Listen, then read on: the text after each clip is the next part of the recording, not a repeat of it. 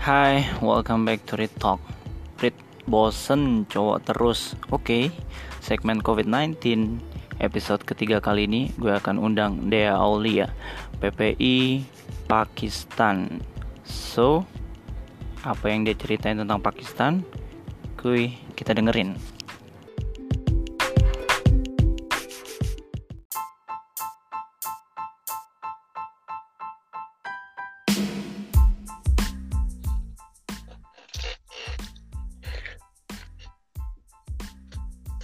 Halo, assalamualaikum. Dea Aulia, welcome to my podcast Read Talk. Gimana kabarnya, Dek? Alhamdulillah baik. kabar baik, kabar baik. Alhamdulillah. Teman-teman di sana sehat? Pakistan? Alhamdulillah sehat cuma ya gitulah agak-agak tahu sendirilah gimana. Iya, yeah, pandemi global ya. Nah, Oke okay, teman-teman, iya. kali ini gue lagi bikin podcast sama tentang COVID-19. Kalau tadi sama Nezar di uh, Saudi Arabia, sekarang ada dia Aulia di Pakistan. Nah dia ini salah satu uh, aktivis juga di PPI uh, eh, Timur Tengah dan Afrika dan juga PPI Pakistan. Dia boleh kenalan dong sama teman-teman semua. Oke, halo teman-temannya Retalk, pendengar setianya apa kabar? Teman-temannya Perkenalkan. Oke. Okay. Aku uh, Dea Aulia. Aku sekarang posisi semester 8. Uh, eh, aku aktif sebagai tim media di kawasan PP Dunia Kawasan Timur Tengah dan Afrika. Juga uh, tim ad hoc transisi kelembagaan dan perbaikan konstitusi. Sekarang udah selesai sih, tapi aku Wah. jabat di itu tim itu di PP Dunia.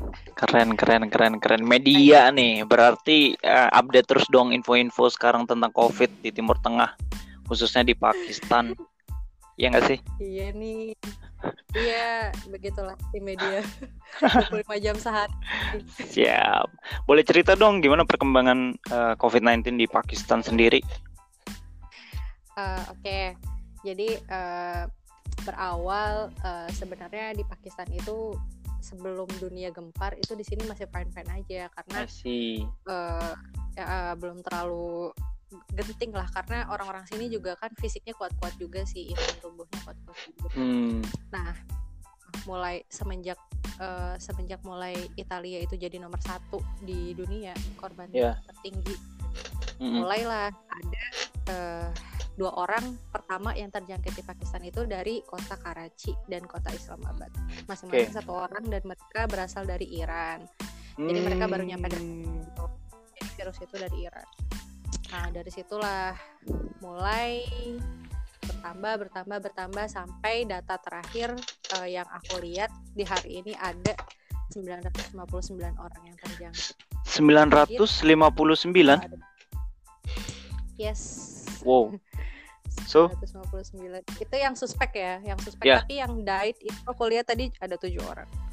Died tujuh orang termasuk yes, termasuk betul. yang kategorinya minim ya angka kematiannya ya mm -mm. angka suspeknya Jadi di iya uh, suspeknya yang banyak tapi meninggalnya dikit minim. tapi kalau di Indonesia sih kalau asumsiku ya ya kayaknya sih lebih dari 5, 686 update terakhir kan sekarang 686 nih. Tapi kayaknya sih lebih dari itu. Karena kan kita belum tahu nih belum nge-screening semua orang kayak gitu. Tapi mungkin hampir sama sih.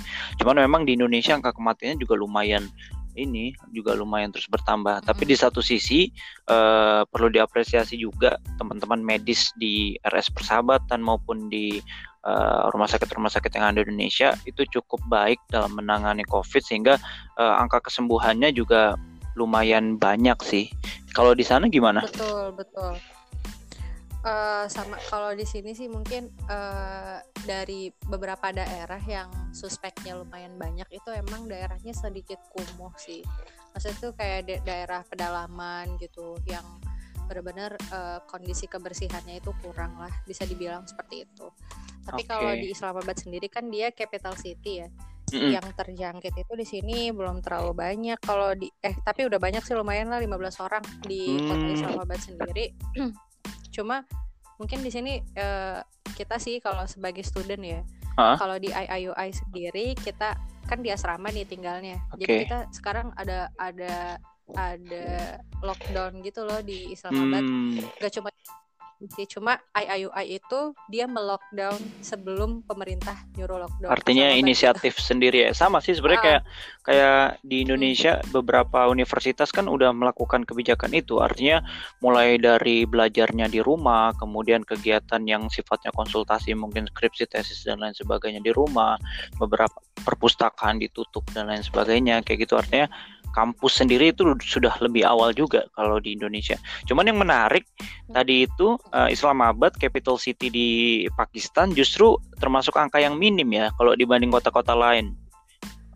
Mm-mm. Dia Sedangkan sedangkan di Jakarta, capital city of Indonesia, itu ternyata mayoriti angka positif COVID-nya justru ada di Jakarta. Banyak. Iya.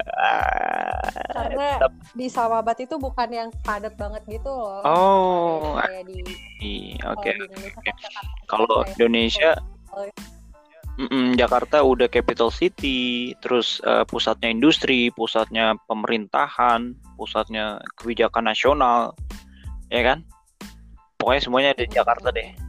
Iya iya, iya. jadi benar-benar crowded.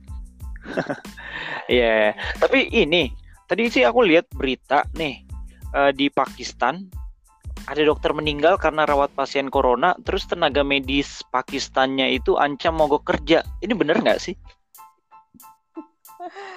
mungkin ada juga karena ya wajar lah dari dari angka sekian sampai tersuspek dan bisa dibilang keadaan ekonomi Pakistan juga nggak terlalu stabil-stabil banget kan Oke. kalau misalkan memang eh, eh, kalau misalkan ada keluhan seperti itu eh, pasti wajar karena Hmm. ya itu tadi dari segi eh, eh, ekonominya juga terus Hmm. tapi kalau di sini bedanya sih cepat nurut sama anjuran pemerintah nggak kayak misalkan kalau di warga plus 62 nih kan kita tahu diliburin malah malah liburan gitu kan ke mana tapi Iya, tapi itu awal-awal aja sih Uh-uh. itu awal-awal biar jadi jokes gitu loh kalau nggak ada jokes kan kayak enak kalau di Indonesia iya iya iya so, so. bener-bener Iya, tapi kalau di Pakistan sini alhamdulillah sih jadi begitu ada perintah kayak gitu kita benar-benar udah tahu semuanya, oke.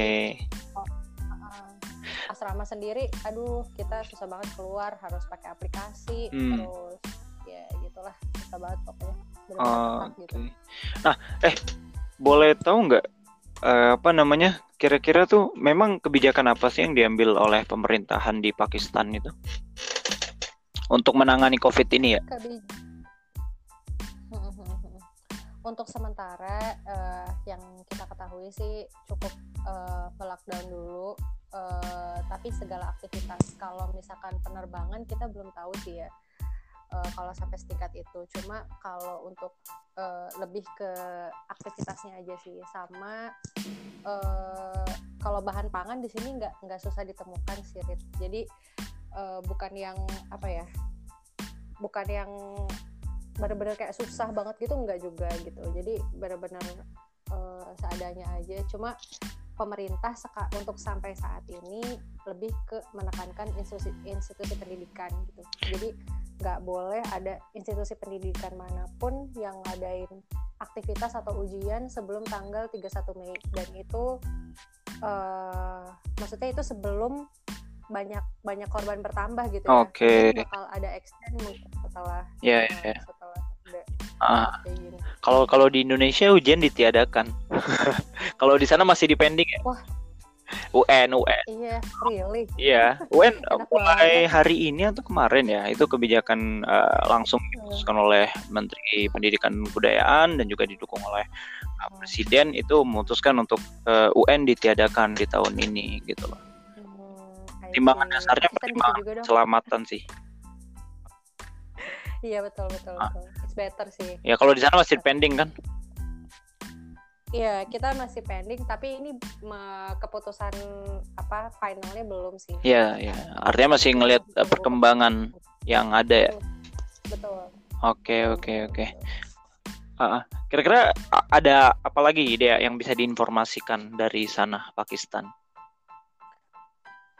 Udah mungkin segitu karena uh, sebenarnya kita lebih ke apa ya Nggak, nggak. kayak samaan wato Oke, lebih lebih nurutan ya. Uh, jadi uh, uh, nurutan. Jadi uh, maksudnya setingkat yang Hmm. cowok pun mereka juga benar-benar dibatasi. Oh. Terus nah yang yang serunya juga kita alhamdulillah uh, pihak KBRI-nya bantu banget. I gitu. see. Jadi, uh, di uh, di sini oh iya nih informasi penting juga.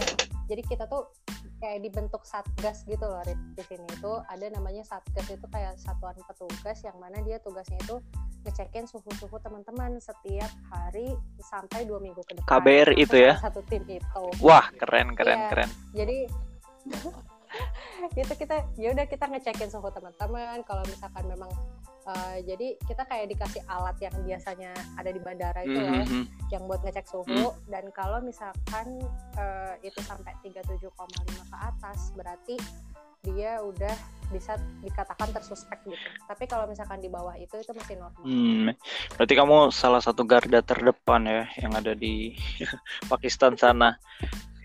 Kurang lebih Mm-mm. ya ini amin Ya, lah. bagus bagus. KBRI-nya bantu. Iya, ya artinya Bantu relasi PPI, KBRI itu benar-benar inilah ya.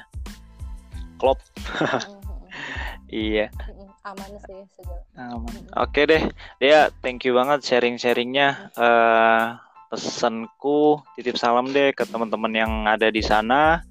Terus juga jaga kesehatan. Semoga teman-teman di sana tetap eh, bisa menimba ilmu dengan baik. Terus juga selalu diberi kesehatan, kekuatan. Juga kita minta doa dan supportnya nih untuk teman-teman yang di Indonesia. Semoga pandemi global global ini segera lewat gitu ya. Amin. Amin banget. Tapi dia yang menarik itu tadi aku dengar eh, ini apa, apa namanya webinarnya sama Profesor Renald Kasali. Eh, ini ada benarnya juga sih. Artinya dalam setiap krisis kalau kita lihat dari tahun ke tahun itu ada opportunity setelahnya. Artinya inna ma'al usri yusra gitu loh. Dalam setiap kesusahan pasti ada kemudahan. So eh, bukan hanya skala nasional tapi mungkin juga skala individu. Ketika kita dalam keadaan yang eh, stres atau ditekan gitu kan atau tertekan gitu kan Eh, kalau kita mau cari peluang untuk opportunity untuk berkembang why not bahkan bisa lebih dari perkembangan yang biasanya gitu loh karena kan kalau kita lihat kita di di rumah itu bisa banyak banget kita melakukan hal-hal yang bermanfaat gitu kan. Ya nggak sih? Agree. Tergantung orang sih. Iya. Tergantung orang. Bisa berkembang dengan baik apa Eh, dalam keadaan? ya kalau dia sendiri lebih yang mana rebahan atau stay safe by rebahan? Oh enggak dong. Oh, enggak. stay safe aja. Udah ngumpulin deadline jauh hari jadi sekarang tinggal Oh. lancarin aja. Jadi sebenarnya uh, tinggal checklist to do list. enaknya ada enggaknya sih. Betul. Checklist to do list. Tinggal to-do list, ya. oke oke. Ya, pokoknya sama deh teman-teman Indonesia juga. Pokoknya stay safe eh, jangan lupa jaga kesehatan juga. Amin. jangan remehin lah hal kecil apa pun. Amin amin. Thank you banget dia waktunya stay safe juga untuk kamu. Eh, kapan-kapan kita ngobrol lagi mungkin di segmen yang berbeda sampai jumpa di Retalk teman-teman. Assalamualaikum